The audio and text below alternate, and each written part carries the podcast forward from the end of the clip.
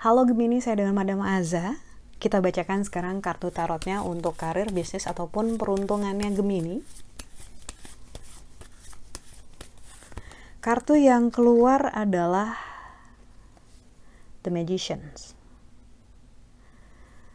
Sepertinya akan memulai suatu hal yang baru yang menyenangkan atau mendapatkan satu hal yang baru yang menyenangkan karena kartu The Magician ini nunjukin uh, possibilities, kemungkinan-kemungkinan, harapan-harapan, bintangnya lagi terang dan si pesulap ini bisa bikin kagum orang-orang dengan triknya, dengan kemampuannya gitu ya. Ini lagi ngomongin harmoni antara diri kamu dengan semesta. Jadi kalau misalnya ada satu hal yang pengen kamu lakukan, ayo dipaksain dirinya untuk rajin-rajin melakukannya. Either pengen nyobain jadi konten kreator ataupun misalnya mau belajar suatu hal yang baru atau misalnya buat bisnis kecil-kecilan gitu ya dikerjain aja dulu. Karena ini ngomongin tentang kemungkinan-kemungkinan yang bagus yang bisa memberikan peruntungan buat kamu keuntungan finansial maksudnya buat kamu. Jadi ayo diambil kesempatannya. Lalu untuk percintaannya Gemini Kartu yang diberikan adalah kartu The Tower. Siapa yang lagi kangen tapi gengsi? Saya. Kartu The Tower ini nunjukin tentang masalah ego berkonflik dengan diri sendiri sih. Karena kartu The Tower biasanya menunjukkan menara tinggi di sambar petir ataupun ego yang mendapatkan peringatan dari Tuhan potensi konflik tapi kalau menurut saya ini lebih energinya ke diri sendiri kamu sedang berkonflik katanya dengan diri sendiri. Ada hal yang kamu nggak ngerti mungkin tentang diri kamu sendiri ataupun keputusan-keputusan yang sedang kamu buat ataupun kemarin-kemarin kamu buat.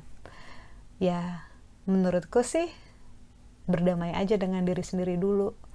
Uh, accept who you are, terima diri kamu apa adanya. Dan kalau misalnya ada yang kamu nggak nyaman, kayak yang kenapa ya saya kayak gini, sebenarnya saya dulu nggak kayak gini kok.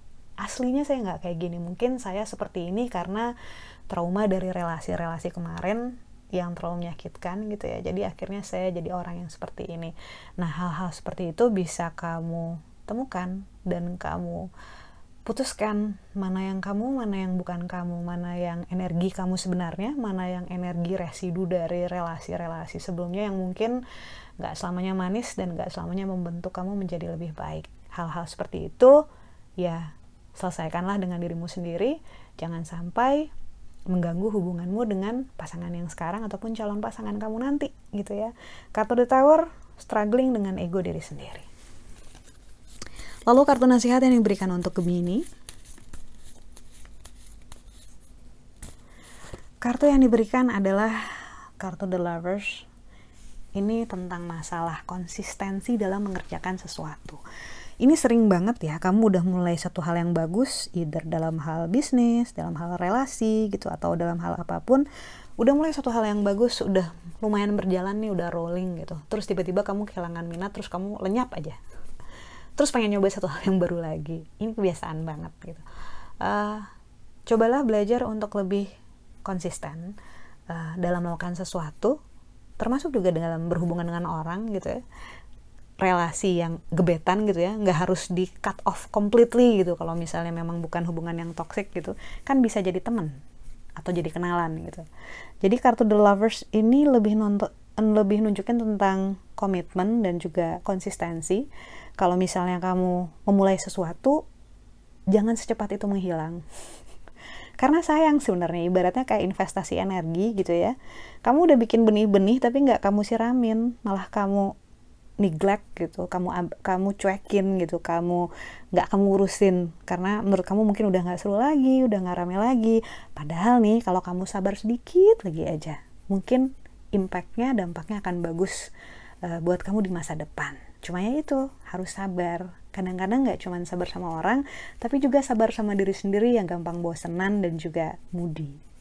Sekian bacaannya semoga bermanfaat kita doakan hanya yang terbaik saja untuk kamu ya. Semoga sehat, panjang umur, kaya raya, bahagia, berkelimpahan segala hal yang baik dari Tuhan dan selalu dalam perlindungannya.